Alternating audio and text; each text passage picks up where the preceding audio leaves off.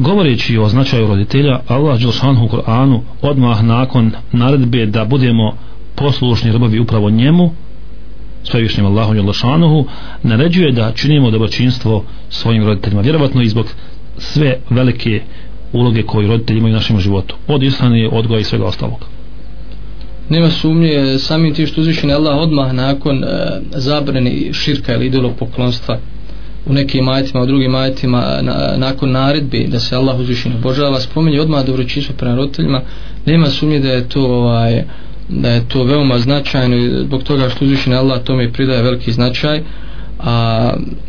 to se ogleda u tome da budemo zahvalni prema roditeljima zbog svega onoga što su nam priuštili uh, u toku našeg djetinjstva uh, i majka i otac. Koliko je uh, recimo tih trenutaka majka koliko je sati e,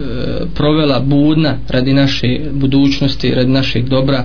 e, koliko je puta ustala pa podgrijala mlijeko ovaj, ako ne doji djete jel?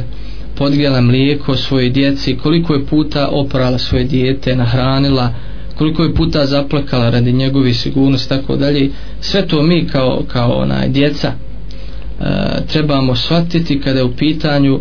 naš odnos ispravan odnos i poslušnost prema roditeljima. To je s jedne strane. S druge strane uzvišen Allah naglašava i ovaj, opomenje nas kao, kao djecu da budemo ovaj, posluš prema roditeljima jer onaj ko ne bude poslušan zaslužuje e, žestoku kaznu i na ovom i na onom svijetu. E, jer kaže se, spominje se u nekim hadisima da ovaj, Allah Đelešanuhu e, ubrzava kaznu i na ovome svijetu za neposlušnost prema roditeljima a na onom svijetu naravno čovjeka čeka bolna patnja